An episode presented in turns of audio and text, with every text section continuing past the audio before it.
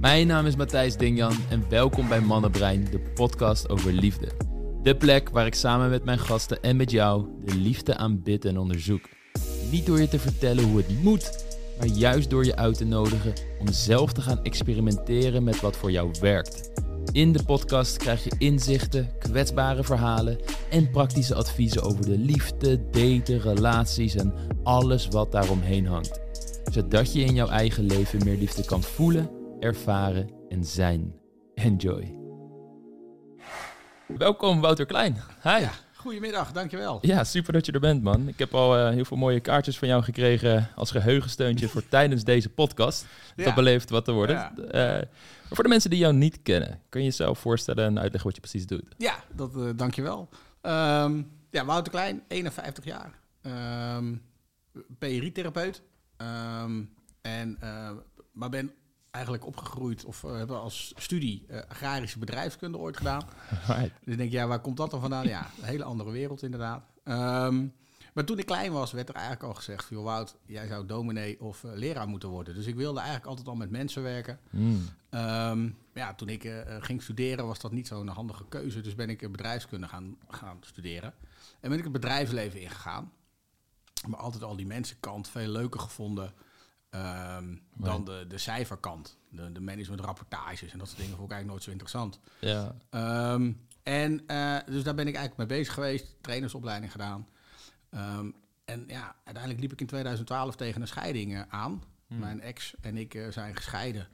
En ondanks dat die scheiding heel goed verlopen is, we alles eigenlijk alles zelf gedaan hebben en altijd heel goed met mijn kop getrokken, had ik toch het gevoel, ik ben niet leuk genoeg, ik ben niet goed genoeg. Uh, en ook eigenlijk ook wel angst dat mijn jongens mij niet meer zouden willen zien op het moment dat, uh, dat mijn uh, ex een nieuwe vriend zou krijgen. Hmm. dacht ik, hé, hey, dit, is, dit is raar, want dat is niet wat mijn ex zegt, dat is ook niet wat mijn jongens zeggen. Dus toen ben ik echt met mezelf aan de slag gegaan. Dan van, hé, hey, wat, wat is hier aan de hand? En toen ja, werd ik gericht, of er kwam iemand die zei van, joh, jij moet eens naar PRI gaan kijken, want daar ga je echt naar de basis. En toen dacht ik, hé, hey, dat is wel eens interessant. Want ik merkte dat, dat die negatieve gedachten over mezelf, ja, ik die eigenlijk ook op de lagere school had en op de middelbare school. En eigenlijk ook wel in mijn studententijd. Ja, dat ik in mijn eentje yes. op mijn studentenkamer in Delft zat en dacht, nou, er is niemand in de kroeg, want ik ben niet gebeld. En de volgende ochtend kwam ik op school en uh, was iedereen in de kroeg geweest. Right. Dus ging ik heel erg denken, hé, hey, dit ligt aan mij. Dus toen ben ik PRI gaan doen, eerst voor mezelf, uh, om, om met dat stuk aan de slag te gaan. En toen kwam ik erachter, ja, weet je, dit is zo waanzinnig. Dit is zo mooi. En de relatie met mijn ex werd eigenlijk alleen nog maar beter van. Um, en met mijn jongens al helemaal. Die waren toen 8 en 10. Zijn nu uh, 18 en, uh, en 21.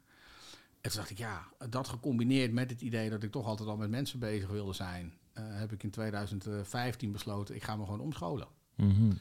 En ben therapeut geworden. eerst nog naast mijn IT-werk, wat ik toen, toen de tijd deed. Right. Um, maar nu echt ja, bijna fulltime therapeut heerlijk in de bossen of in de duinen van, uh, van Overveen. Ja, je liet me net uh, een foto zien van waar jullie zitten met het verhaal erbij dat er af en toe op het gazon voor het, het uitzicht vanuit jouw praktijkruimte hertjes langslopen, ja. hazen, roofvogels. Ja, heerlijk man. Ja, echt waanzinnig. Echt waanzinnig. Echt een waanzinnige, lekkere sfeer.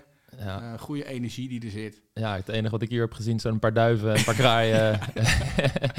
ja. ja, maar het is beter dan, uh, ik vertelde ook hiervoor, in ons, in ons oude kantoor zaten we in de beurs van Berlage. Nou, dan zag je alleen maar stoeten, Engelse toeristen ja. die dronken bachelorparties aan het feesten aan het houden waren ja. voorbij trekken. Dus het is wel een hele verbetering dat we hier duiven en kraaien hebben qua uitzicht. Ja, dat, dat is zeker al een verbetering. en, uh, en jullie zitten ook zeker niet slecht. Jullie zitten natuurlijk ook heel mooi.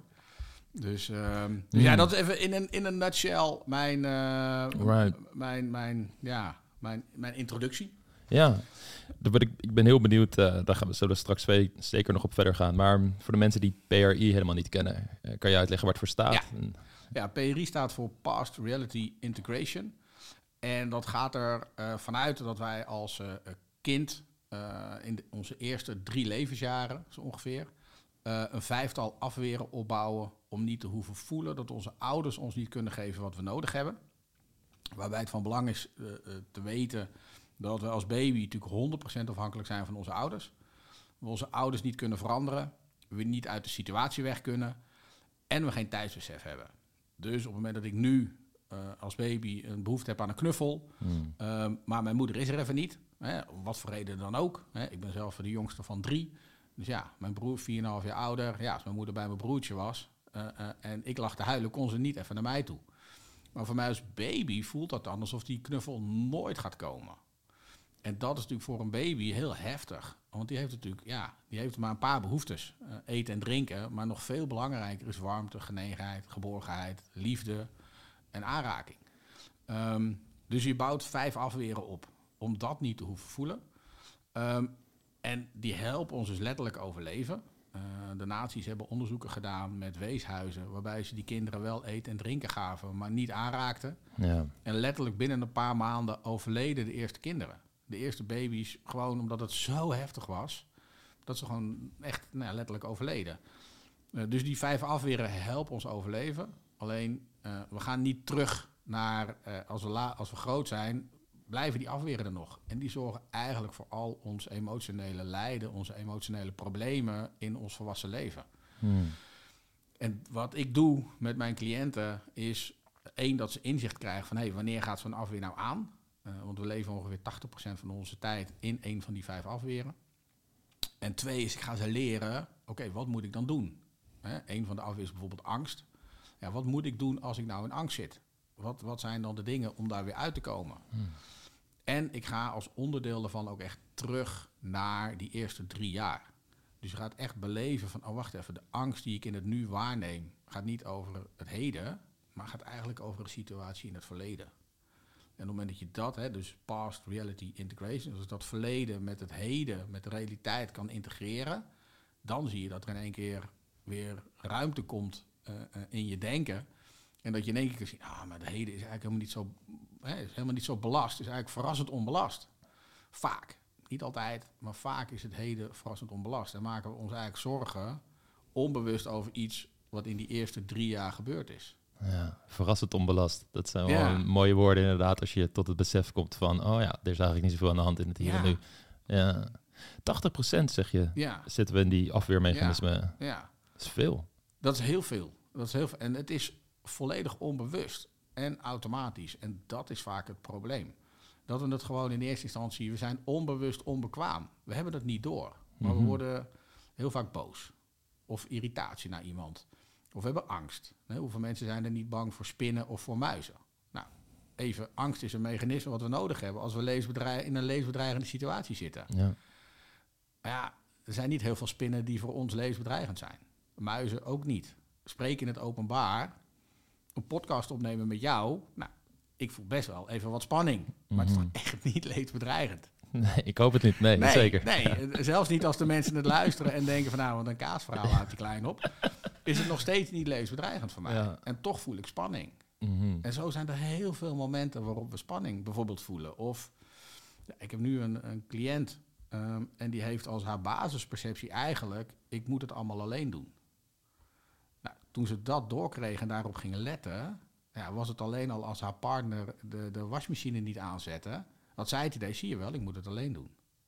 Wel, ja, die man vergeet dat een keer. Ja, ja. ja jammer. Uh, doet hij niet omdat hij jou alleen wil mm. laten. Maar zo vaak zitten we in onze perceptie uh, uh, eigenlijk in een oude realiteit. En mm -hmm. zijn we dus in, zitten we in een van die afweren. Het me heel erg denken was toevallig vanochtend nog naar het boek van Gabber, nieuwste boek van Gabor Mate aan het luisteren, uh, De Mythe van Normaal, waarin hij ook zo'n mooie quote heeft. De Boeddha ooit gezegd heeft, ons brein schept de wereld. Ja. En hij voegt er altijd aan toe, eerst schept de wereld jouw brein. Ja. Door hoe je bent opgegroeid. Ja. Vanaf daar krijg je dat perspectief, wat ook zo mooi op een van de kaartjes staat, uh, die je aan mij hebt gegeven. Um, waarbij, en voor de mensen die het niet kunnen zien, ja, ik kan, ik kan hem wel zo houden, maar ik denk dat het uh, vrij lastig gaat worden. Lastig zien, ja. Ja, maar je ziet in ieder geval een, een, een brein en vanuit de ogen is er een, een soort uh, ja, gezichtsveld, om het zo maar te zeggen, waar ik zou zeggen 80% rood is en er staat perceptie en dan 20% uh, eh, de waarheid. Ja. En dat is groen. Ja. En wat houdt dit exact in? Waar kijk ik nou, hier wat, naar? Waar je eigenlijk naar kijkt is, uh, het, het, is inderdaad een, een, hoofd. En je ziet inderdaad die rode beam, zoals we dat noemen, die rode straal, mhm. komt in het oog. En dat zegt zoveel als wij nemen zintuigelijk de wereld om ons heen waar onbewust. Dus wij nemen heel veel waar. Even, voel jij dat je op een stoel zit? Mhm. nu, wel. Ja. Tien seconden geleden niet. omdat, we, omdat ons brein denkt, ja, dat is niet nodig om te weten. Dus 90% van de informatie die we met onze zintuigen waarnemen, komt helemaal niet in ons bewustzijn, maar stuurt ons wel. Ehm, en die perceptie wordt gebouwd in, zeg maar even simpel zeggen, die eerste drie jaar plus de negen maanden daarvoor. Ehm, en daar worden we, wat Cabo Maté ook zegt, hè, dus de wereld, die perceptie wordt gevormd door de wereld. En vervolgens gaan we vanuit die perceptie weer naar de wereld kijken. Alsof je door een bril kijkt. Mhm. En jouw bril is anders dan mijn bril, omdat jouw verleden anders is dan mijn verleden. En ook die van mijn broer en mijn zus. Want ja, die hebben ook weer andere dingen meegemaakt, ondanks dat we uit hetzelfde gezin komen. Ja. En door die bril kijken we continu naar de wereld. En dan is inderdaad de vraag: durf ik en kan ik een vraagteken bij mijn perceptie zetten? Kan ik vragen van ja, wacht even, die persoon, die cliënt die mij afbelt of die niet voor mij kiest om, eh, om coaching, therapie van te krijgen. Mijn perceptie zegt ja, Wout, jij bent niet goed genoeg. Ja, dat zou ook wel eens niet waar kunnen zijn. Het zou ook wel eens kunnen zijn dat hij zegt van ja, ik vind te ver rijden. Of ehm, Ja. ik wil liever een vrouw. Ja, ik, ik kan een heleboel doen, maar ik heb niet de, de intentie om me om te laten bouwen tot vrouw. Dus dan gaat het niet over mij als persoon, maar gewoon, Mhm. ja, hij maakt een andere keuze. Ja. Dat is dus iedere keer waar je naar, naar mag kijken. Want nee, klopt mijn perceptie, die dus gevormd is in die eerste duizend dagen, zoals het eh, eh, zo leuk eh, vaker genoemd wordt. Wat, wat zijn de vijf manieren Ja, de, ja, we dit doen? Ja, de vijf manieren die we hebben. eh, de eerste is dus angst. Ja, dus, eh, en angst is dus in principe een mechanisme wat we nodig hebben als we in een levensbedreigende situatie zitten. In alle andere situaties, dus als ik niet nu in een levensbedreigende situatie zit en ik voel toch angst, heeft die angst als doel om iets ouds uit die eerste duizend dagen niet te hoeven voelen. De tweede afweer is de primaire afweer. En die heeft een illusie bij zich van ik krijg niet wat ik nodig heb en dat komt door mij. Dus ik ben dom, ik ben stom, ik ben slecht, het is mijn schuld. Al dat soort negatieve gedachten over jezelf. Dan hebben we de derde afweer, dat is de valse hoop. En die zegt, ik krijg niet wat ik nodig heb, maar als ik nu heel erg mijn best ga doen, heel lief ga zijn, heel aardig ga zijn, ga pleasen, perfectionistisch ben, dan krijg ik alsnog wat ik nodig heb. De vierde afweer is valse macht. En die zegt, ik krijg niet wat ik nodig heb. En dat komt door de anderen. Dus als die man voor mij in het verkeer nou gewoon doorrijdt. Als die eh cashier bij de supermarkt nou gewoon even tempo maakt, dan heb ik nergens last van. Dus daar zit oordeel, boosheid, irritatie, al dat soort gevoelens naar de ander toe. Juist. En de laatste afweer, dat is de ontkenning van behoeften. En die zegt, ik krijg niet wat ik nodig heb, maar joh, ik heb ook niks nodig. Het is lekker weer buiten en het gaat allemaal wel goed. En Mm. het gaat allemaal zijn gangetje. Maar ondertussen uitstelgedrag, geen passie, eh, geen lichaamsbewustzijn, verslaving, anorexia. Al dat soort gevoelens zitten bij die ontkenning van behoeften. Dus dan ben je echt helemaal weg van je echte gevoel. Hè, dat zijn eh, de vragen als van wat zullen we eten vanavond? En je partner zegt, nou laten we naar de Chinees gaan. En jij zegt, ja is goed. Terwijl je eigenlijk naar de eh, Italiaan wil. Juist. En zegt, ah, dat is goed joh, laten we dat maar doen. Lekker makkelijk. Ja, In plaats van uitspreken wat je eigenlijk echt wil. dit is ook iets wat ik heel veel terugzie in de datefase. En uiteindelijk ook in relaties waar mensen in terechtkomen. Dat ze niet durven op te staan voor waar ze Ja. eigenlijk echt basis Ja. behoefte Ja, aan hebben. En het interessante is dat in sommige gevallen ze het ook oprecht voor hun gevoel niet weten wat de behoeftes zijn. En het doet me altijd denken aan onderzoeken eh, waar Bessel van de Kolk ook in Traumasporen over schrijft, waarbij die de default mode network in het brein beschrijft, een soort zelfbewustzijnshanekam in ons brein, die ervoor zorgt dat we kunnen inchecken bij onszelf, hoe we ons voelen, waar we behoefte Ja. aan hebben, noem maar op. Ja. En dat bijvoorbeeld zware trauma's ehm, dat netwerk kunnen deactiveren als het ware, Ja. waardoor het letterlijk haast onmogelijk wordt om te gaan voelen en dat je dat heel langzaam moet gaan opbouwen.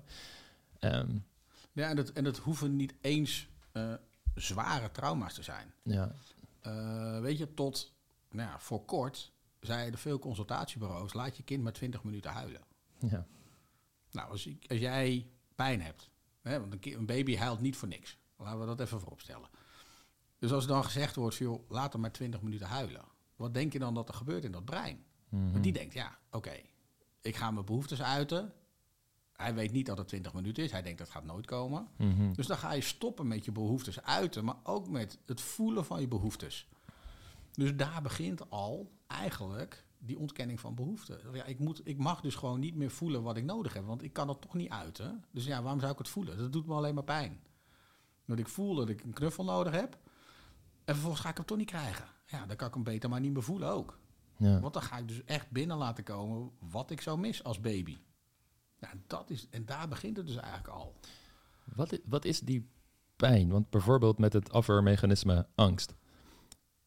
Je zou kunnen zeggen dat in een hele angstige staat van zijn verkeren al een vorm van pijn is, Ja. als het ware. Ja, Hoe kan dat dan verkozen worden als boven een andere soort pijn? Nou ja, die- kijk, eh, eh, eh, in mijn situatie, bij mij is vaak die rode beam, hè, dus die perceptie hoe ik naar de wereld kijk, is dat ik het idee heb dat de wereld mij niet wil.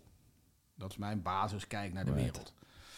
Dus als ik dan zou gaan daten, ja, en mijn basisperceptie is, ja, de wereld wil mij niet, ja, dan ben ik natuurlijk bang om te gaan daten. Want ja, dan zit ik eigenlijk alleen maar te wachten tot die, in mijn geval dan vrouw, zegt van ja, ik hoef je niet. Ja, dan, wat die angst dan doet, is eigenlijk zorgen dat ik niet ga daten. Want ja, dan hoef ik tenminste niet te voelen dat die ander gaat zeggen, ik hoef je niet. Want het gevoel van afwijzing brengt andere basisemoties. Dat, dat brengt nog meer pijn mee. Juist. Ja. Dan, hè, dan krijg ik liever niet iets leuks, want ik weet uiteindelijk dat ik die klap ga krijgen. Dus ja, Mhm. dan ga ik me helemaal weg uit die situatie. Dan ga ik die situatie niet in, want dan hoef ik in ieder geval die klap niet te krijgen. Want mijn brein, mijn perceptie zegt, Wout, linksom of rechtsom, die klap gaat komen. Ja. Jij gaat die afwijzing krijgen. Dus ga ik hem ook overal zien. Dus gaat ook mijn afweer zorgen dat ik die, afweer ga, dat ik die afwijzing ga krijgen. Hmm. Ik, eh, eh, eh, mijn eerste relatie had ik toen ik 28 was. Dat was ook mijn eerste seksuele ervaring. Omdat ik iedere keer het idee had, ja, Wout, je bent leuk als vriend, maar niet als relatiemateriaal. dus dat was ook wat ik alleen maar om me heen zag. En wat ik dus ging doen, kwam ik achter toen ik PRI deed, vanuit valse hoop heel erg lief gaan zijn, pleasen, eh, maar ook bijna verstikkend op eh, de desbetreffende dame eh, afgaan. Nou, toen hadden we nog geen WhatsApp, weet je. Ik ben nog uit de, de oude stempel, zeg maar. Nog met een draadjestelefoon enzovoort. Ehm, maar dus heel erg op die dame, eh, eh, vrouw, meisje, Ja. claimen. Ja. Vanuit die valse van, Nou, als ik nou maar leuk en aardig ben, dan gaat het misschien wel een keer komen. Ja, Mhm. wat vinden, tenminste de meiden die ik, eh, ik, die ik leuk vond, die vonden dat dus helemaal niet fijn. Dus die zeiden, ja Wout, toedeloe, de Marcel. Mm. Dus dan krijg je waar je bang voor bent, namelijk die afwijzing. Mhm. Waarmee dat dan weer bevestigd wordt. Right. Het is eigenlijk bizar hè, dat dit soort zaken ehm, eh, cultureel gezien niet heel breed ge- Nee. geïntegreerd worden, gewoon in onze opvoeding als mens. Ja, ja. Als het ware in, in de how to, to function as a human being Ja. eh, guide die, die uitgedeeld zou moeten worden. Ja. Dus, heb, heb je het gevoel dat eh, ten opzichte van vroeger, in, in, toen jij rond mijn leeftijd was, 31, ehm, dat deze informatie al wel beschikbaar was in een mate waarop dat nu het geval is? Of? Nee, nee. In, in mijn, toen ik, weet je wat, toen ik jong was, eh, eh, een beetje jouw leeftijd, dan was dit, dit heel mondjesmaat. Echt heel mondjesmaat. Dan moest je al bijna een hele eh, eh, spirituele coach of, of Hmm. therapeut hebben. Of echt in de alternatieve opleidingen zitten. Daar kwam het een beetje naar voren.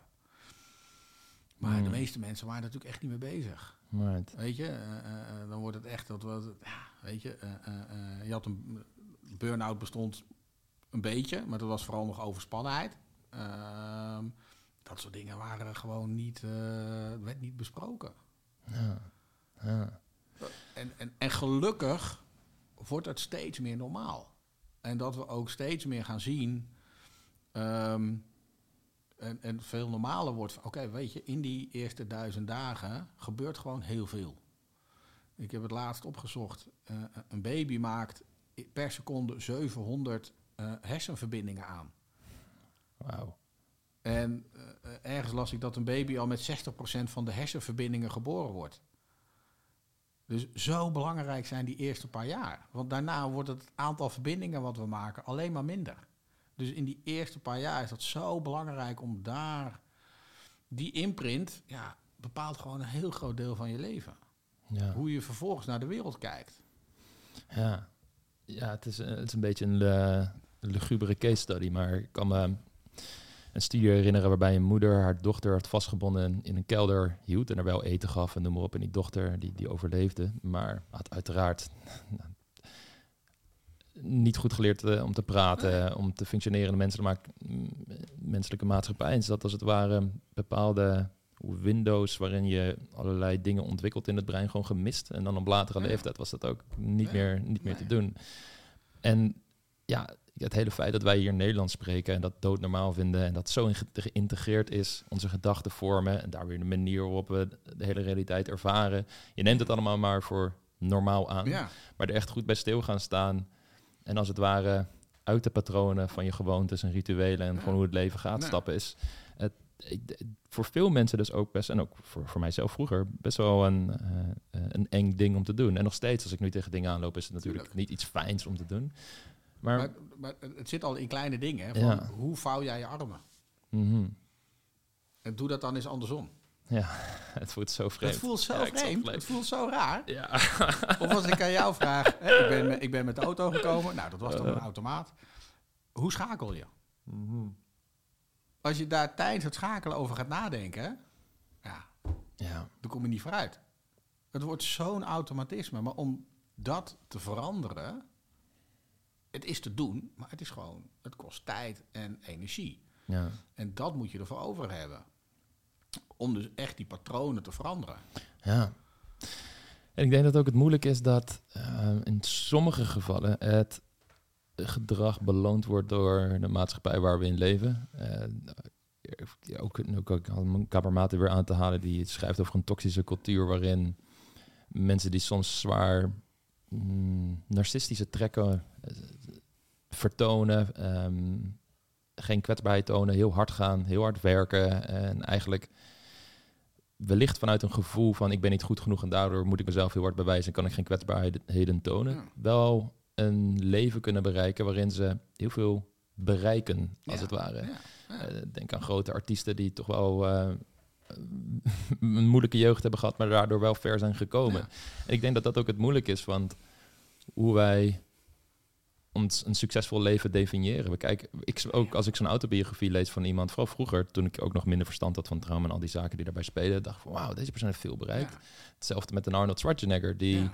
gigantisch veel bereikt heeft in zijn leven, maar het kwam wel allemaal uit een Ja. drang om niet stil te hoeven zitten en met zijn gedachten en emoties Een geconfronteerd te worden. mooi, mooi voorbeeld daarvan is eh, Leo Pelen. Ken een, ik niet. eh, ook, eh, uiteindelijk ook eh PRI-therapeut geworden. Helaas te vroeg overleden. Maar hij heeft een 88 zilver gehaald op de Olympische Spelen met baanwielrennen. Hm. En het enige waar hij aan kon denken toen hij op het podium stond... is mijn vader nu trots op me. Wauw. Dan heb je dus je hele leven heel hard gefietst. Echt heel hard. En dan sta je er op het podium. En hè, wat wij dan doen vanuit valse hoop, is die dat gaan doen. Zo van, nou, als ik nou maar heel hard fiets en heel veel bereik, dan gaat mijn vader blij met me zijn en trots op me zijn. Ja, dan sta je op het podium in Tokio. Ja, en dan voel je, ja, eigenlijk heb ik nou nog dat gat wat in die eerste drie jaar geslagen is, waar hij het nodig had, werd niet gevuld. Volgens mij is hij zes maanden later gestopt met wielrennen Mm. omdat hij door had van ja, dit, heeft, dit, dit brengt hem niet. En dat is natuurlijk waar we heel veel tegenaan. Dus we heel veel vanuit die afweren gaan doen. Zeker die valse hoop. En valse hoop is natuurlijk voor de omgeving heel fijn. Weet je, je kon mij eh, op vrijdagavond om 11 uur bellen of ik de volgende ochtend om 6 uur wilde verhuizen. Ja, is goed joh. dan stond ik er. Dat is voor de omgeving heel fijn. Dus Ja. die omgeving gaat dat inderdaad ook lekker voeden. Ja. Hey, fijn Wout, leuk dat je er bent en eh, kom op en eh, hup, we gaan weer. Ja, dus dan wordt dat gevoed. Ehm, plus daarna, hè, dus, hè, valse macht, waar natuurlijk die boosheid zit, ja, dat is voor de omgeving minder fijn. Hè, die, die, die, de borderliners, ja, die hebben we er liever niet bij. Want Mhm. dat zijn natuurlijk hele heftige eh, energieën, kan dat zijn. Mhm. Dus daar word je nog wel gestuurd door de omgeving. Maar bijvoorbeeld eh, ehm, eh, eh, eh, ehm, de andere afweren, ja, dan worden we natuurlijk toch wel door de omgeving ook echt wel ingestuurd en in geholpen. En, en kijk ook naar, nou ja, alle, eh, het moet allemaal groter, sterker. Eh, we doen al CITO-toetsen in, eh, in- op de kleuterschool. Ja, dat voedt natuurlijk de valse hoop. van, Ja, maar ik moet het wel goed doen. Of de angst van, ja, maar wat als ik niet geen goede CITO-toets heb? Waar ga ik dan nog uitkomen in het leven? En we moeten allemaal, het moet groter, beter, eh, duurder. Ja. Dat, daar houdt een keer op. Dat, Mm. dat gaat natuurlijk een keer mis. Ja, voor mensen die hier naar zitten te luisteren en wellicht tegen problemen in hun leven aanlopen, maar het nog niet direct kunnen linken aan deze afweermechanismes. Ja. Het vereist ook echt wel zelfonderzoek, bij stilstaan, Ja. wellicht dingen opschrijven. Dat je, er zijn allemaal zaken daarvoor. Wat zou hen aanraden om hier eerste stappen in te zetten? Om dit bij jezelf te gaan onderzoeken. Van oké, hoe zit het nou eigenlijk bij mij? Ja, kijk, wat, wat het mooiste is, is ehm, er is gewoon een website PRI Online. Daar staan een heleboel podcasts, filmpjes, Ja. zijn eh, heel wat boeken. Ehm, en nou, dat is natuurlijk altijd goed, hè? Net zoals jij Gabo Maté leest en eh ehm, Traumasporen hebt gelezen. Ja. Dat soort boeken geven gewoon inzicht. In de boeken van Ingeborg Bos. Eh, dus dat, dat gaat al heel veel helpen. Maar inderdaad ook gaan kijken. eh, en dat kan je gewoon heel simpel gewoon gaan observeren. hey, op het moment dat ik boos word, wat voel ik eigenlijk van die ander op me afkomen? Hè, of op het moment dat ik negatief ben over mezelf, hey, wat gebeurt er dan eigenlijk? Ja. Wat is er dan eigenlijk eh, eh, aan de hand?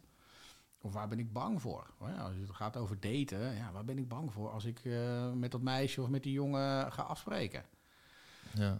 Hè? Of op het moment dat Mhm. zij zegt van ja, weet je, of hij zegt ik wil geen tweede Ja. date. Ja, wat voel ik eigenlijk op me afkomen? Ja, eigenlijk voel ik ja, ik hoef jou niet. Of jij bent stom. Of jij bent slecht. Ja, dat is niet, waarschijnlijk niet wat ze, hij of zij letterlijk zegt. Maar wel wat ik voel. Mhm. En dat wat ik voel, de gedachten die ik op dat moment heb, gaan echt over mij. Dat is wat ik, wat mijn oude realiteit is. En niet zozeer wat die ander 9 van de 10 keer zegt. Right. Hoe, is dat dan voor jou als je eh, bijvoorbeeld meer in die pleasende mode zit, valse hoop, en je, je probeert geno- goed genoeg te zijn? Er is natuurlijk een moment geweest dat je hier dus bewustzijn omheen creëerde Ja. van oké, dit is wat er speelt. En vervolgens is het dan vanuit de kennis, als het ware, naar toepassen gaan en het daadwerkelijk veranderen. Ja. Hoe is, hoe is dat proces bij jou geweest? Nou ja, bij mij is natuurlijk inderdaad het proces. eh, eh, nou ja, n- na mijn scheiding eh, ben ik dit proces aangegaan. En toen begon ik inderdaad te zien van, oh ja, wacht even. Eh, eh, wat ik eigenlijk probeer is iedere keer eh, eh, mensen eh, blij te maken, te Mm. pleasen, eh, zodat ik er iets voor terugkrijg. Hè, dus ik wist van iedereen wanneer die jarig was en wanneer de hond jarig was en de kat en de goudvis. Dus ik stuurde iedereen berichtjes. Maar uiteindelijk onderliggend met het gevoel en de behoefte dat die ander, op het moment dat ik jarig zou zijn, ook mij een berichtje ging sturen. Nou, dat stort in. Dus dat is iedere keer, oh, ik ben dus toch niet goed genoeg. En daar echt bewustzijn op gaan krijgen. Van, oh, wacht even, nu doe ik weer, wil ik weer een berichtje sturen. Hé, hey, waarom doe ik dit? En dan misschien daarna alsnog wel dat berichtje sturen. Maar echt oké, waarom doe ik dit? Ik organiseerde voetbaltoernooien, tennistoernooien. Oké, waarom? Ja, uiteindelijk omdat ik dan bij dat clubje in mijn ogen leuke mensen mocht horen. Oké, maar vind ik dan ook nog wel echt leuk om die toernooien te organiseren? Mm. Eh, waarom? ha- ik, eh, ik was echt zo'n schreeuwlelijk, zullen we maar zeggen. Zo'n brulaap. Op de tennisbaan en overal waar ik was. Ja, waarom? Ja, om maar gehoord te worden. Om dan maar te hopen dat ik erbij mocht horen. Ja, wat is daar het idee van? En dat echt daar bewustzijn op gaan krijgen. Van, oh wacht even, ik doe dit niet omdat ik het echt leuk vind... of omdat ik die andere persoon echt leuk vind... maar eigenlijk omdat ik iets voor terug wil. Onbewust. Ja, het is een eh, eh, wellicht wat aparte vraag, maar ik ben gewoon heel erg benieuwd naar je antwoord. Waarom zou je dit allemaal doen? Waarom zou je niet gewoon in die afweermechanismes blijven leven? Omdat het je gewoon, één, heel veel lijden oplevert. Mhm. En omdat je niet echt jezelf bent. En je eigenlijk het heden iedere keer als gevaarlijk en eng waarneemt. Ik dacht, ik liep eigenlijk de hele dag rond met het idee, ik ben niet leuk genoeg. Onbewust was dat, en vaak ook bewust, het idee wat ik had. Ja, dat is natuurlijk echt niet fijn. Dat is natuurlijk echt niet fijn. En dat is natuurlijk, en dat is gewoon, weet je, dan kan je niet echt jezelf zijn. Dan kan je in alles, hè, of je nou het opvoeden van mijn kinderen is, of omgaan met mijn, mijn relatie, of met mijn vrouw, hè, met mijn ex, of mijn werk. Maar ook vrienden. Weet je, op een gegeven moment kreeg ik echt terug, Wout, jemig, we zien nu pas de echte Wouter. Je bent nu rustiger, je bent meer aangesloten, je kan echt verbinding met je maken nu. En dat kon in die tijd dat ik zo schreeuwerig en, en hyperactief was, kon dat gewoon niet. Dus je, en je kunt namelijk, als iemand in een afweer zit, en zo gezegd, zitten we ongeveer 80% van onze tijd in, kun je niet echt verbinding maken met die ander. Hè, als ik denk, ik ben niet leuk genoeg, dan kan je honderdduizend complimentjes geven aan mij, maar die gaan niet binnenkomen. Mhm. Want ondertussen heb ik de overtuiging, ben toch niet leuk. Dus hij, uh, Matthijs zegt het wel, maar uh, hij, Mhm. hij zegt het alleen maar omdat we dan een leuke podcast kunnen opmaken. nee, maar, nee, maar Mhm. dat is wel wat er bewust of onbewust gebeurt. Ja. En dat is natuurlijk heel, echt niet fijn. Ja. Dat is natuurlijk het, het eh, lastige. Kijk, het is een- misschien wat, wat bredere Mhm. eh, filosofische vraag, wellicht zelfs. Maar ik, ik denk dat het soms nuttig is om te kijken naar bepaalde extremen. En, en, en, zonder in een soort politieke voorkeuren te Mhm. belanden of iemand te veroordelen. Daar gaat het me niet om. Het gaat me puur om een soort van objectief Ja, wat ik kan ja, waarnemen ja. bij een figuur, zoals Donald Trump. Ja. Die, als je hem bijvoorbeeld een, een boek wat ik vaak noem, Te veel en nooit genoeg, geschreven door een nichtje van hem, klinisch Mhm. psychologe, die beschreef wat voor familie eh, dynamiek er, er was bij Donald Trump thuis. Eh, vijf kinderen. Va- de vader was nou, vrij hard, emotieloos, Ja. eiste heel veel van de kinderen, bracht hem veel materialistisch succes eh, in vastgoed. Oudste broer moest het overnemen, kon de druk niet aan. Ik denk ook mede door persoonlijkheidskarakteristieken, waardoor hij niet floreerde in zo'n in zo'n omgeving. Moeilijk ook, lijkt me. Ja. Eh, is alcoholist geworden en onderdoor gegaan. En Donald Trump, die een ander soort karakter al had, dus een ander fundament, Ja. ging daar als het ware een kant van zichzelf ontwikkelen van kijk hoe geweldig ik ben, hoe ik alles kan en wat weer aangemoedigd werd door die vader. Ja. Zo iemand, eh, en hij kan nog steeds hele goede dingen doen en waarschijnlijk doet hij ook allemaal goede dingen, maar daar hoef ik niet per se in te gaan. Waar het me meer om gaat is dat het volgens mij nog steeds een destructief patroon is wat hij uitleeft, wat wel beloond wordt en ook door heel veel mensen weer juist afgekraakt wordt. Ja.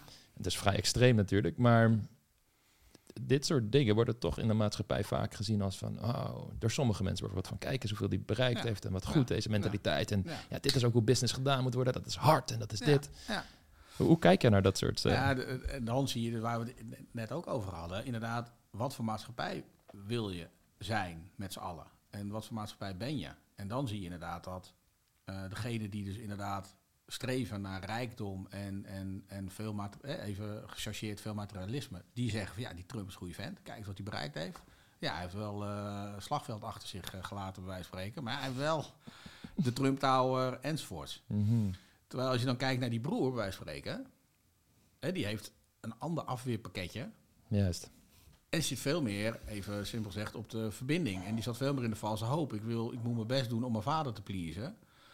En is eraan onderdoor gegaan. Terwijl Donald Trump zit veel meer, denk ik, in de valse macht. Ja, weet je, ik ga gewoon voor mijn doel. En eh, het enige, de wereld is alleen maar tegen mij. Dus ik Mm. ga gewoon lekker door. Mhm. Ik wil mijn doel bereiken en even gechargeerd overlijken.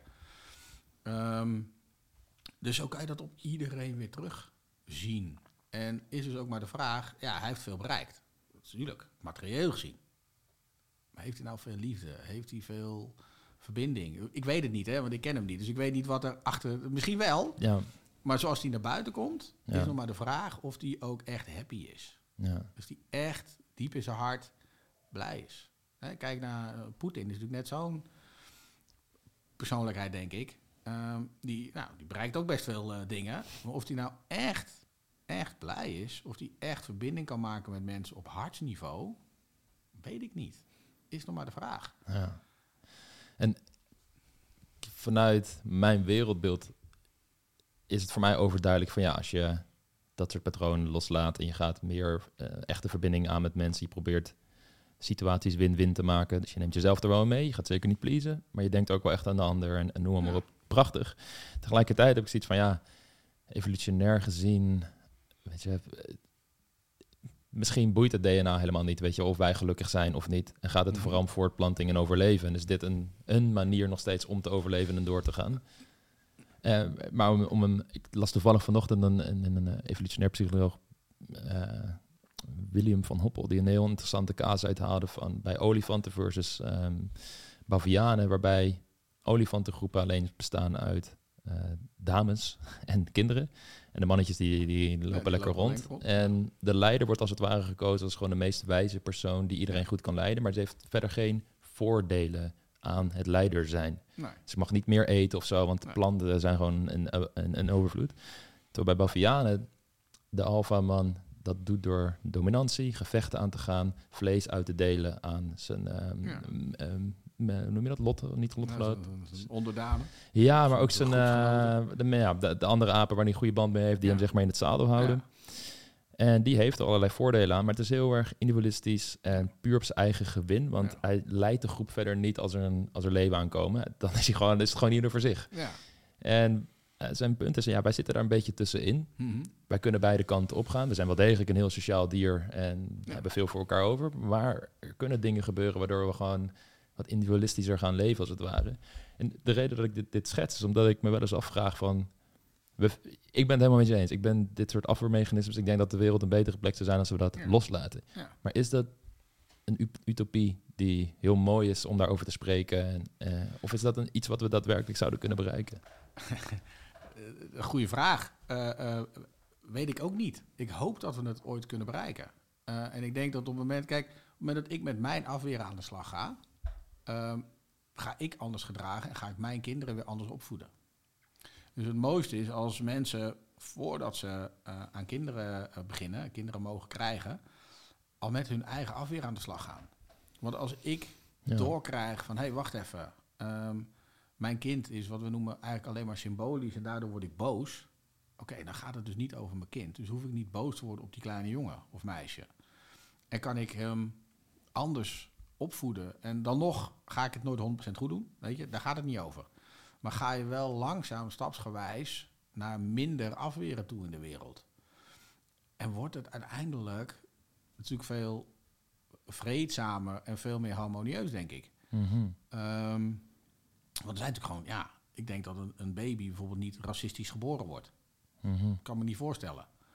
Ehm, dus dat geven wij als volwassenen, dragen dat over. Ja. Een baby is van huis uit volgens mij niet bang voor spinnen. Dus dat dragen wij over op het moment dat het wel zo is. Ja. Dus als we daaraan kunnen werken, dat is natuurlijk super. Eh, ehm, wat natuurlijk ook uit onderzoeken blijkt, is op het moment dat jij zelf eh, ehm, opgegroeid bent in een gezin met huiselijk geweld, is de kans groot dat je dat zelf ook gaat toepassen. Niet omdat je het wil, maar omdat het zo in je DNA zit, in je systeem zit, dat dat doorgegeven wordt. Ja. Hè, je hebt de, de epigenetica, Ja. ja, ze hebben natuurlijk onderzoeken gedaan. eh, Ik weet het dan met, eh, met regenwormen. eh, waarbij ze twee regenwormen hadden, ieder in een eigen bakje, met dezelfde eten enzovoorts. Alleen de ene regenworm prikte ze. De, continu. Mm. En vervolgens hebben ze de, de kinderen van die twee regenwormen weer samen in één bak gedaan. Dus, dus de situatie is exact hetzelfde voor, ieder- voor alle, alle nakomelingen. En toch zag je, zagen ze dat de eh, nakomelingen van de geprikte regenworm significant meer stress hadden dan de nakomelingen van de niet geprikte regenworm. Dus op het moment dat ik, en ik kan alleen maar voor mezelf zijn, dat, dat is mijn verantwoordelijkheid. Maar als ik dus iets ga doen met mijn afweren, met mijn overtuigingen, met mijn bril, heeft dat dus gevolgen voor generaties na mij. Ja. Dus zo kunnen we, en ja, utopie in de zin van, ja, ik weet niet of dat binnen hoeveel eh, generaties we daarover doen, eh, maar gaat het wel anders worden? Mhm. En dat kan dus de ene kant en de andere kant op. Right. Ja, ik, het is natuurlijk ook gewoon een langzaam proces. En er zijn, ondanks dat wellicht als je alleen het nieuws volgt, wellicht het gevoel hebt dat de complete wereld in de fik staat en eh, er weinig hoop is, zijn er heel veel onderzoeken die, of onderzoeken, data-analyses die laten zien dat over het algemeen gezien er steeds minder oorlog is en er heel veel nare dingen als het ware steeds minder vaak voorkomen.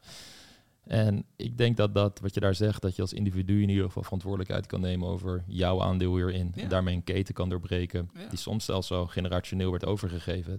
Alle patronen die daar, daarin spelen.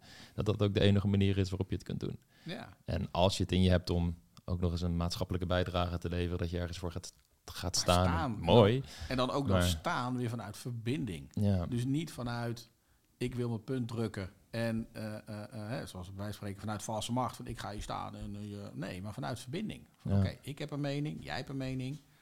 Oké, agree to disagree. Daarmee ben jij nog steeds een, leuke, een leuk persoon. En is er met jou als persoon echt niks mis.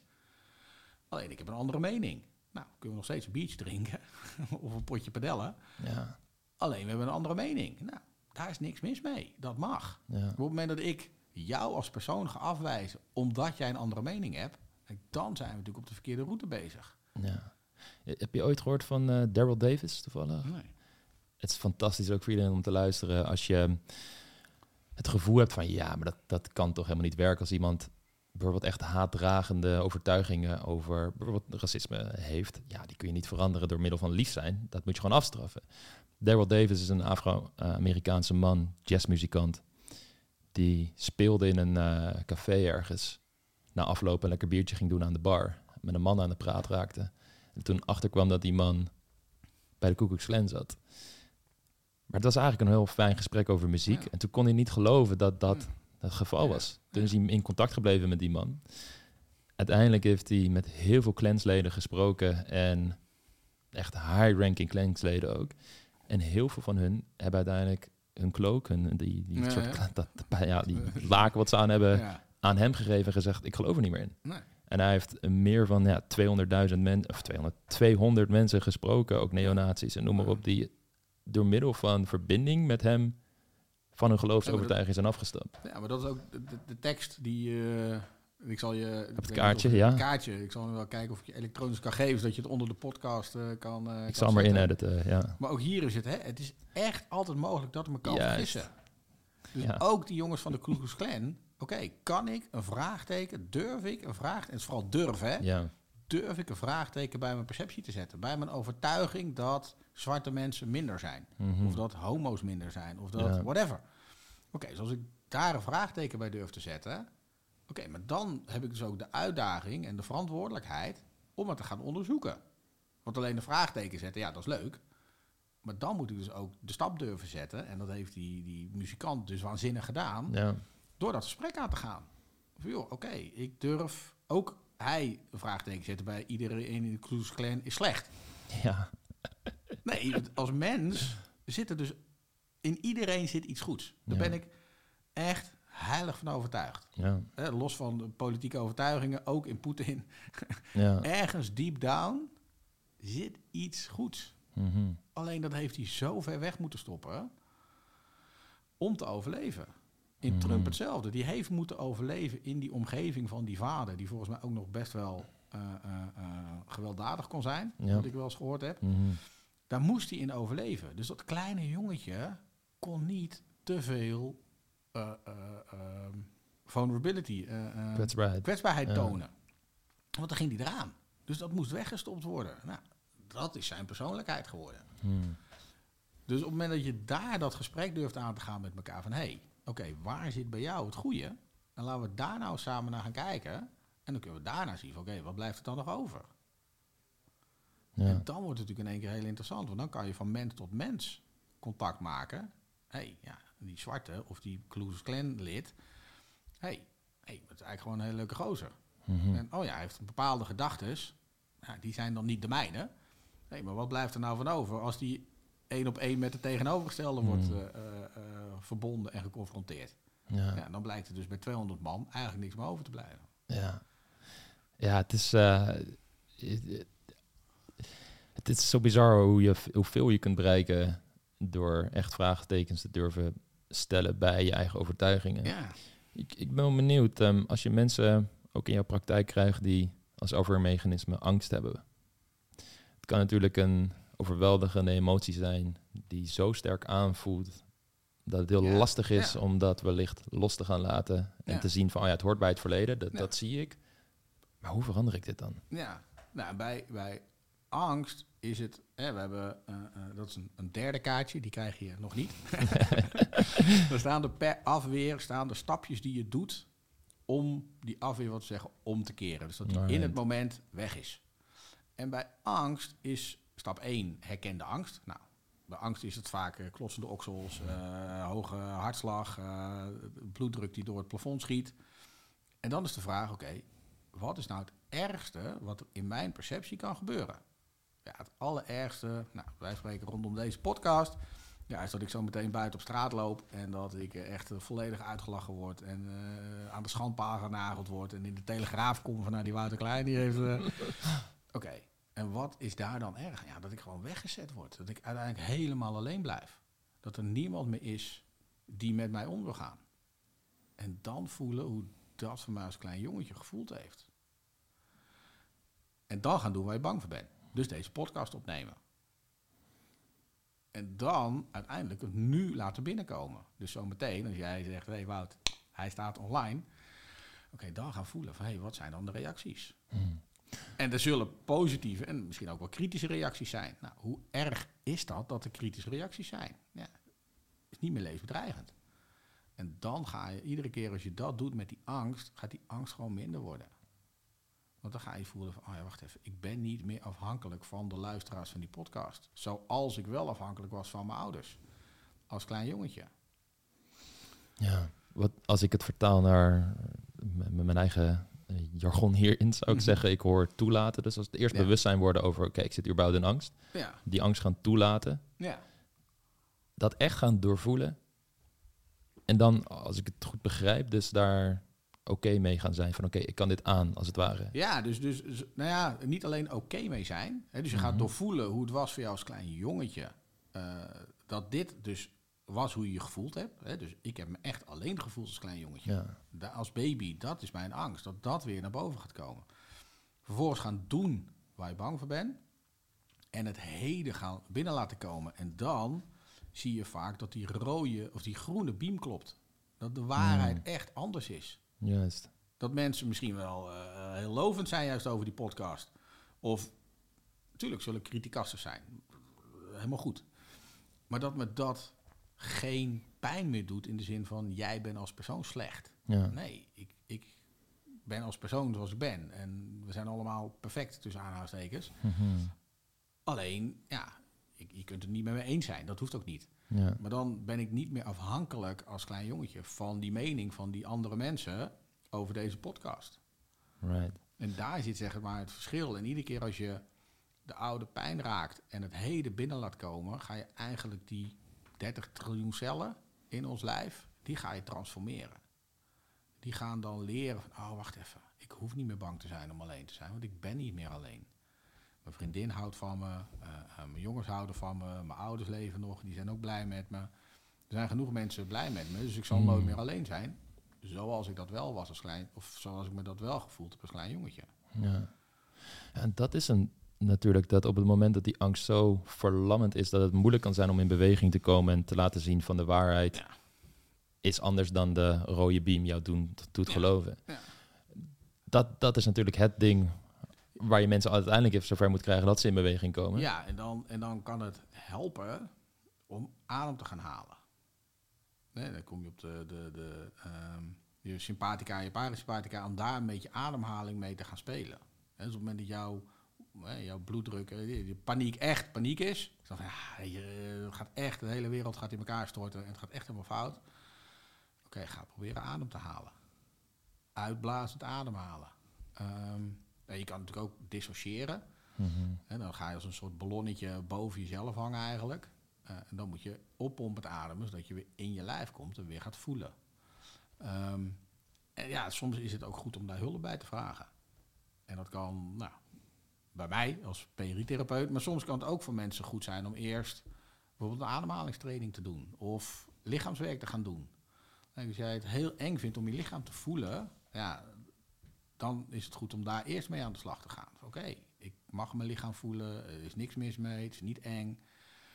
Zodat je daar wat meer bewustzijn op krijgt en Ja. dan de stap maakt van oké, en nu wil ik ook met die, echt van die angst af, van die afweer.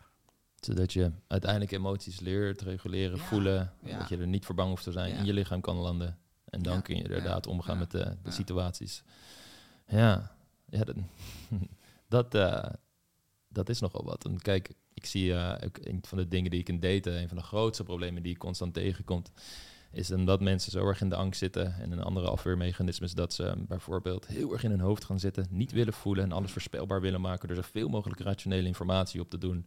Ja, Zodat ze geen foute keuzes Ja. maken en het juist doen. ja, En, en ja, wat dat betreft voel ik me ook vaak eh, een Trojaans paard met de adviezen die we geven. Omdat mensen vaak binnenkomen op het niveau van... ik wil een man, ik wil een vrouw. En het is 100% op de buitenwereld gefocust. ja. En als ze dan bij ons komen van oké, dat is helemaal mooi, er is niks mis mee. Maar kijk eens even naar waarom je in deze situatie zit, waarom het je niet lukt, waarom je elke keer een bepaald soort ja. type mens aantrekt. ja. En dat is als het ware de spiegel die je dan voorgehouden krijgt. En Nou, dan kom je dat op... is natuurlijk wat ik ook zelf zei. Hè? Van, ja, op mijn 28e mijn eerste relatie. Omdat ik een bepaald patroon had van omgaan met meisjes, met vrouwen. Vanuit die negatieve gedachten over mezelf.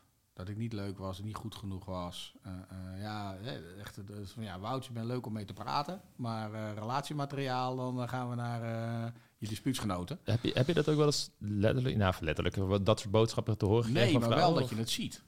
Dus Ja. dat iemand heel gezellig met mij aan het praten is. en dan s'avonds zie je met een dispuutgenoot eh, zie je ze vertrekken. Dat je denkt, oké. En, en daar gaat dan die Ja. afweer gaat er van alles van maken. Ja, En door daar dan... En toen kon ik ook niet anders. eh, want ik wist verder nog niks. En PRI bestond toen ook nog niet. Ehm, maar door dat patroon iedere keer die bevestiging te zien Mhm. en waar te nemen, blijf je in dat patroon hangen. Terwijl door daaruit te stappen en te zeggen: Oké, maar wacht even. Dat zij met hem eh, eh, naar huis gaat en niet met mij, ja, hoeft niks over mij als persoon te zeggen. Zij zegt niet: Jij bent stom. Mhm. Dat zegt ze niet. Ze zegt wel: Ik vind hem leuker. Maar dat is niet omdat ik stom ben. Want het kan ook kan van alles zijn. Eén, je weet niet waar ze heen gaan. Je bent er niet bij, gelukkig. Mm, Ik ben nogal visueel ingesteld, dus dat, wil ik, dat wil ik ook niet weten. Maar dus, dus onze perceptie, onze bril, gaat allerlei invullingen doen. En dan ga je dus steeds harder... Ik ging steeds harder mijn best doen. En steeds harder kwam die klap in mijn gezicht. Van, ja, zie je wel. Omdat ik harder mijn best ging doen, stootte ik eigenlijk de dames nog veel meer af. En krijgen ze iedere keer onbewust weer die bevestiging. van, Ja, zie je wel. Je bent toch niet leuk? Klap, Mm. komt u weer. Nou, dan ging ik de volgende keer nog harder mijn best doen. Ja, eh, ja. Waar zit de wortel van dit afweermechanisme en dit patroon bij jou? Hoe is dit? Ja, bij, mij zit, bij mij zit die, die wortel ehm, in dat, eh, nou wat ik zei, ik heb eh, een oudere broer en een oudere zus. Eh, mijn broer is 4,5 jaar ouder. Eh, dus dat is één wortel. Eh, ja, hij was sterker, hij was slimmer in mijn Mm. ogen. Hij uh, 4,5 jaar ouder, dus hij was ook veel interessanter bij de meisjes enzovoort. Dus dat is één. En hij was natuurlijk sterker, dus als wij gingen vechten, ja, weet je, ik was twee en we gingen stoeien, ja. Alles leuk en aardig, maar dat gaat natuurlijk niet gebeuren. Ja. Ehm, dus dat is één kant. De tweede kant is dat ik ehm, eh, eh, me heel alleen gevoeld heb in mijn bedje. Hè, als ik terugga naar mijn oude realiteit, is dat heel vaak dat ik alleen lig in mijn bedje, in mijn ledikantje. En dat mijn ouders beneden zijn met mijn broer en zus en dat daar naar het zin hebben. En ik daar niet bij mocht zijn. Nou, aangezien mijn ouders als baby de overtuiging is, ja, mijn ouders zijn 100% perfect. Dus daar kan het niet aan liggen wordt de, de, de impliciete boodschap dus, oké, dus dan ligt het aan mij. Want het kan niet aan hun liggen, dus het moet aan mij liggen. Dus het is mijn schuld, ik ben niet leuk genoeg om ook beneden te mogen zijn. En dat in je bed liggen boven, was dat gewoon Ja. omdat je naar bed moest als ja, het was gewoon dat of- ik naar bed moest. Dus Ja. dat was niet omdat het straf was. Of Ja. nee, maar ik, was, ik lag in mijn bedje. Ik was, nou ja, wij spreken één. Ja, Ja. op een gegeven moment moet je gewoon je bed in. ja. Maar voor mij, dus daarom zei ik, hè, maar voor mij voelde dat op dat moment, en ook niet continu, maar wel heel vaak, alsof ik er niet bij mocht zijn beneden. Want daar gebeurden de leuke dingen. Dus, hè, dus daarom zeiden we het ook, hè, we hadden het eerder over erge trauma's. Ja, het gaat over het trauma in de perceptie van die baby. Want ik heb twee jongens, zoals gezegd, ja, die heb ik ook af en toe natuurlijk gewoon in het bed gelegd. Jongens, je moet nu slapen. Ja. Alleen voor die baby, voor dat kleine jongetje, kleine meisje, kan dat anders voelen. En daar kun je natuurlijk als ouder, ja, dat, ja hoe moet je dat eh percipiëren? Eh, dat is lastig. Daarom is het ook zo belangrijk om als een kind huilt, echt naartoe te gaan. Pak het op, probeer te halen, waar gaat het over? Eh, en niet te denken van, joh, eh, kappen nou, eh, ik heb even geen zin. Ja. Nee, een baby huilt niet voor Jan met korte achternaam. Maar dit, dit zijn, wat je hier benoemt, is natuurlijk iets wat in elk gezin speelt die in westerse maatschappij, een andere maatschappij ook opgroeit. Omdat wij in een samenleving zijn gaan leven waarbij we s'avonds licht hebben, wat heel fijn is, brengt ons gigantisch veel. Maar daardoor is er wel, zoals dat vaak genoemd wordt, een mismatch tussen hoe de evolutie zeg maar een beetje ons heeft ontwikkeld Ja. en hoe we nu leven. Waardoor het heel gek is eigenlijk dat je als ouder zijnde nog bij wijze van spreken vijf, zes uur langer wakker blijft Ja. Eh, je kind alleen laat. Ik bedoel, ik kan me niet voorstellen dat een jarige verzamelaar zijn kind gewoon even in een hutje legde. Nee. En vijf, zes Nee. uur later nog om, om laten het kampvuur zaten en dan pas gingen slapen. Dus dat is heel dus- maf eigenlijk. Dus, dus dat, maar ook, eh, we hebben natuurlijk, even heel gechargeerd, een hele individualistische maatschappij. Mhm. Hè, dus je hoort ook vaak, ik neem kinderen. Nou, weet je, eh, ik vind nog steeds een geschenk dat ik ze heb gekregen. Ehm, maar ook, ja, ik wil wel mijn eigen leven door blijven leven. Ja. Ik wil wel gewoon naar de kroeg kunnen. Eh, ik wil wel gewoon 40 uur per week blijven werken. Nou is dat soort dingen gaan gelukkig steeds meer veranderen. Maar we zijn natuurlijk met z'n allen wel, van, ja, maar ik wil wel gewoon mijn ding kunnen doen. Eh, eh, leuk zo'n baby, maar weet je, ehm, of, of hè, er zijn natuurlijk ook wel ehm, dames, gelukkig worden dat er volgens mij ook steeds meer, die zeggen, ja, leuk zo'n baby, maar ik word er wel dik van. Mm. Moet je voelen wat dat op zo'n baby al, zo'n foetus al afstuurt, hè? Want die voelt dat al. Die voelt al van, oh, wacht even. Eh, mama heeft er dus problemen mee dat ik in de buik zit. En dan hebben we het nog over de positieve kant. Dan zijn natuurlijk ook, ja, eh, eh, mensen die om, om hè, hele mo- moverende redenen van verkrachting of andere dingen zwanger zijn en echt van het kind af willen, maar het niet lukt. Mm. Ja. Die energie gaat wel naar die foetus toe. Mhm. Ehm, dus als we daar met z'n allen eh, wat meer stil bij kunnen staan, gaat dat ook al heel veel schelen. Gaat dat ook al heel veel schelen. Van, oh ja, wacht even. Ja, het is, ik, ik ben er toevallig de laatste tijd veel zelf over aan het nadenken wat vaderschap en moederschap inhoudt. En dat mijn vriendin en ik op het punt zijn om van oké, we willen kinderen, maar we merken ook van ja, bijvoorbeeld vanochtend. Ik heb heerlijk mijn ochtendje vrijgenomen, ben gaan kickboksen en paardrijden, wat ik op dit moment aan het leren ben. Ja, ik ben nu heel bewust van, Ja, mijn vriendin is nu aan het werk. Dit zijn dingen die straks, als het ware, niet Ja. zo gemakkelijk meer kunnen. En dat wringt inderdaad toch op een bepaalde manier in mijn... Omdat ik mijn leven zo lekker voor elkaar heb. En Ja. denk, ah ja, Ja. dus het is echt een soort mindsetverandering die ik daar heel bewust teweeg moet brengen. Om in mijn ogen dan een vaderschap te brengen waar... eh, Ik zal het nooit perfect doen, maar in ieder geval... en dat, ho- en dat hoeft ook niet, Precies. want we hebben allemaal die vijf afweren. Dus het hoeft niet perfect. Want die afweren helpen ook jouw kind, kinderen te overleven. ja. Alleen hoe meer bewust je ermee bezig bent, hoe beter je het kan doen. Eh, Mhm. ik, eh, toen, ik mijn jongens, mijn, eh, toen mijn jongens geboren werd, werkte ik bij KPN. Best een drukke baan. En ik had dan vrijdag papadag. Klonk al zo leuk, hè? papadag, ja, maar je hebt zeven dagen in de week bij je vader. Oh ja. Ehm, en in Overveen heb je een heel klein stationnetje eh, waar ook een koffietentje was. En daar ging ik dan naartoe met de jongens. Maar ik had wel me, soms mijn laptop en mijn Mm. mobiel bij me. Hoe aanwezig ben je dan? Mm. ja. Aange- ik ben wel fysiek aanwezig. Maar als de jongens zeiden, hey, pap, even naar de trein kijken. Nee, pap, komt zo. Even, Ja, mijn ja, ja, ja. even mijn verhaaltje afmaken. Ehm, dus hoe aangesloten ben je? En hoe empathisch kan je reageren op de behoeften van, van het kind? En dat is waar het over gaat. Dat je daarover, dat je daarover na kan denken. Ja. Kijk, je hoeft niet je hele leven op te geven. Dat is natuurlijk onzin. Maar probeer dan te zeggen van oké, nu ben ik een uur met die kleine bezig. En dan ben ik ook echt voor die kleine. Dus, als alles uit en ben ik daarmee geconcentreerd. En daarna gaat hij slapen. Oké, dan heb ik even voor mezelf. Dus dan kan ik kickboxoefeningen doen van spreken. Of eh nou, paardrijden, die even te lang. ja. dat, is- dat is wat lastiger. Misschien op zo'n houten paardje door de Ja, woonkamer. ja. Zo'n hobbelpaardje, nou, dat zou nog kunnen. Ehm, maar dat je daar dus over na gaat denken. Hè, binnen PRI noemen we dat AREN, aanwezig, responsief en empathisch. Hmm. Dus ik moet aanwezig zijn in de ruimte, maar ik moet ook responsief zijn op de behoeften van het kind. En ook empathisch daarop kunnen reageren. Dat is ook wel fijn, ja. ja. Dat je, hè, Mhm. als je die stappen met elkaar, als je dat met elkaar gaat, gaat eh, krijgen. En je bent gewoon een mens.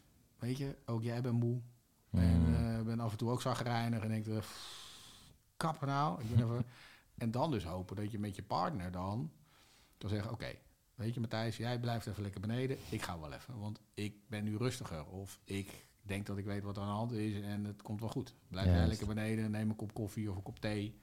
Ja. Hè, dat je daar samen over kan, kan, kan eh, eh, helpen. Dat je elkaar daarin kan steunen in de opvoeding van, van die kleine. Ja. Het is heel interessant. Om, ik, ik ben me nu bijvoorbeeld, eh, ik heb dan een privételefoon, een werktelefoon, iets wat ik sinds twee jaar heb, om wat meer te gaan scheiden. Ja. Nu voor het eerst ben ik dan af en toe weekenden mijn hele werk echt aan het loslaten. Ja. Dus ook niet iets checken, ook niet even de mail checken, nee. niks. Ja. En dat bracht een onrust in me, in me mee de eerste Ja. paar keer. Echt van, oh, ik moet dus- dit doen. Dus Eh, welke angst gaat er dan aan? ja, Want dat is gewoon, eh, dat is zo, nou zeg ik, hè, zo simpel kan een angst zijn. Ja. Dat is dan zit je dus alweer tien minuten in een afweer. ja. Wij spreken. Mm. Ga ik niet een opdracht mislopen? Eh, zijn er niet luisteraars die nu echt een antwoord moeten hebben op een antwoord en die, die zie ik nu niet en dan gaan ze boos worden? Of nou ja, Ja, slechte recensies, want eh nou, dat Ja. dat is leuk, maar die reageren nooit op vragen. ja, Terwijl dat is natuurlijk echt een brain fart. ja.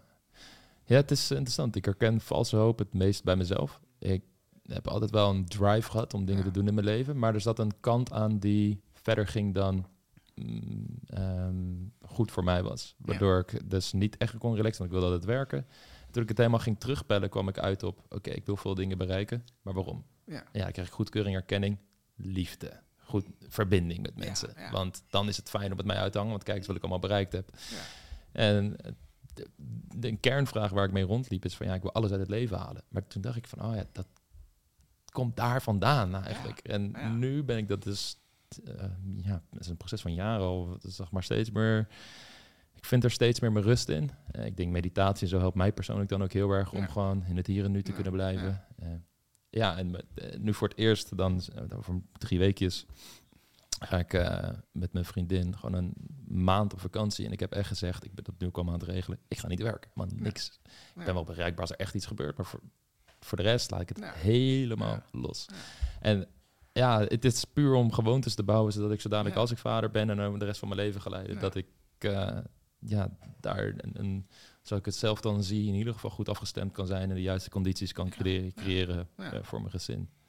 Het zijn, het zijn eh, ik vind het, eh, ik had, dat is dus het grappige voor de podcast en voordat ik jou überhaupt gesproken had, of, wist ik helemaal niks van PRI Nee. af. Ik ben op de hoogte van jou gekomen door ehm, eh, een cliënt die Ja. me getipt had. Maar ik vind het een hele krachtige, inzichtelijke manier om naar... Ja, en wat, het, wat, Ja. Het, wat, het, het, wat ik het mooie vind, ehm, kijk, het, het overal doel van PRI is dat je het heden gaat zien voor wat het werkelijk is. Vaak verrassend onbelast, hè, waar we het eerder over hadden. Het doel van de therapie is een andere.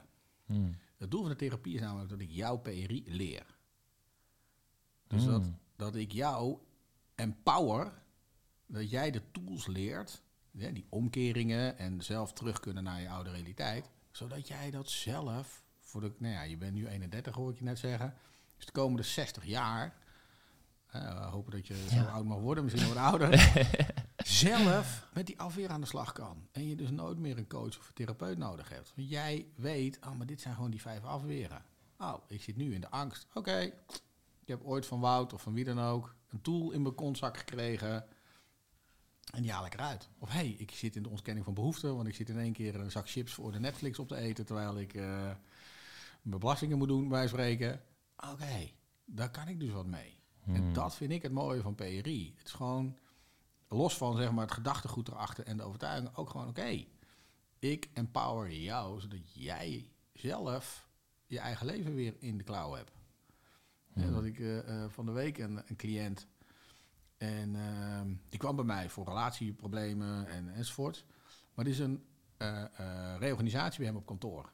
Hij zegt, eh, de afdeling wordt gesplitst en de ene deel moet naar links en de andere deel gaat naar rechts. Hij zegt, en iedereen zit van, ja, wat moet ik nou doen? En ik laat het maar over me heen komen. En ja, ik ga wel achteraan waar de rest, wat de directie wil, wat ik doe. En hij zegt, Wout, ik voel me gewoon in mijn eigen driver's seat. Ik heb het stuur in handen. Ik bepaal wat ik doe. En dat kan zijn, ik ga mee hè, in het voorstel. Nou, kan ik me bij je. Of ik ga iets anders zoeken binnen het bedrijf. Of ik ga gewoon het bedrijf uit. Want ik heb een keuze. Ik, als volwassene, hebben we altijd een eigen keuze. Wij zijn nooit meer afhankelijk van een ander. Keuze kan gevolgen hebben, of heeft gevolgen, positief en of negatief. Maar dat weer gaan voelen. Dat jij weer voelt van oké, ik heb de keuze om te zeggen, ik laat mijn werk thuis als ik een maand op vakantie ga.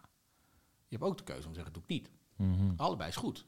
Maar Ja. dan heb jij weer de keuze in plaats van dat jij je eh, slaaf voelt van je werk. Nee, het moet mee. Want als ik het niet meeneem, nou dan breekt echt. eh, dan, gaat van, dan, heb je, dan zit jij niet in de driver's seat. En dat vind ik het mooie van PRI, dat je dat echt weer zelf in je klauw krijgt. Oké, dit is wat ik wil. Hmm. Is, er is nog één iets wat ik eh, nog met je wil bespreken. En Mhm. dat is, wat ik soms hoor, is dat mensen ook het gevoel hebben van... ja, maar als je die drive als het ware verliest om keihard ergens voor in te zetten... omdat angst ook een sterke motivator kan zijn om in beweging te komen... Mhm. dan wordt vaak gezegd, ja, je kunt het ook vanuit inspiratie doen en, Ja. en, noem maar op. Maar hoe voel je dat verschil daarin? Of hoe merk je van, oké, ik ben nu gewoon aan het creëren eh, volgens een manier dat ik niet vastzit in afweermechanismen. Eh, Jij bent een sporter, ik ben ook een sporter. Ik ben sinds een eh, anderhalf, twee jaar crossfitter. Ik, Lekker. nou ja, het is heerlijk. Ja. Maar dan sta je ook met een groep van 10, 12 man sta je te, te sporten. En nou, ik kan even klappen, ik ben zeker niet de sterkste. Dus er staan mensen naast mij, soms vrouwen, die echt hetzelfde gewicht eh, deadliften of eh, squatten als ik. Mhm. Dan kan ik vanuit valse hoop heel erg mijn best gaan doen om harder te gaan trainen en meer gewicht te gaan doen. Ik kan ook denken van nee, dat ga ik niet doen. Ik ga het gewoon op mijn eigen manier, kom ik ook wel op een hoger niveau. En dan wordt het, doe ik eigenlijk dezelfde sport met dezelfde beleving. Alleen niet meer omdat ik vind dat het moet en omdat ik vind dat ik meer moet. Nee, ik wil het omdat ik voel dat het fijn is en ik er zelf in wil groeien. Dus dan heb je nog steeds dezelfde beleving. Ik ga nog steeds twee keer in de week om zes uur s ochtends sta ik in die sportschool. Ja. Omdat ik het wil. En niet omdat ik denk, anders ben ik een loser. Of ben ik een watje. Of eh, ben ik een slechterik. Nee, ik doe het omdat ik er zin in heb. En dus ook af en toe zeg, op zaterdagochtend... Ja, ik ga niet, want ik ben met mijn vriendin een eh, weekendje in Enschede. En ook me daar dus ook niet schuldig over hoeft te voelen. Dus je kunt, wij spreken nog steeds dezelfde dingen doen... Alleen de drijfveer is anders. Andere De, intentie. drijf, de, ja. de intentie, de energie van waaruit ik het doe, Mhm. is een andere. En dan ga je er veel meer van genieten. Want Ja. dan kan ik er ook van genieten dat ik, eh wij spreken, 50 kilo squat. Terwijl iemand naast me 80 doet. Ja, leuk. Nou, fijn. Ik vind die 50 heerlijk. ja. Ik voel dat ik het technisch goed doe. En eh, ik ben eh, na dat uur net zo kapot als diegene die 80 doet. Want ja, voor hem is 80 hetzelfde als voor mij 50. Dus sporten we eigenlijk op hetzelfde niveau. Mm. En dat is natuurlijk waar het over gaat. ja, helder. Wouter, heel erg eh, bedankt voor dit gesprek. Ja, jij En, ook wel waanzinnig bedankt. En voor de mensen die nog in contact met jou willen komen, wat kunnen ze het beste doen? Ja, je kan nou ja, sowieso op mijn website kijken. Mhm. www.wouterklein met een eh, lange ei. eh, Right. .nl. En ehm, dan kun je ook de afweertest doen. Dus dan kan je zelf 50 vragen van hey, welke, hoe ziet mijn afweerpakketje eruit, zeg maar. Want we hebben ze alle vijf. Alleen ja, de een heeft gewoon even wat meer de voorkeur dan de ander. Ehm, en daar ook lezen. eh, en er staat nog een kort filmpje van mij op. Super. En dan kunnen ze daar ook altijd eh, mijn mail en mijn, eh, mijn telefoonnummer vinden. Ja, ik zal het ook in de gegevens van de podcast Ja, zetten. super. Ontzettend bedankt. Ja, jij ook. Dankjewel.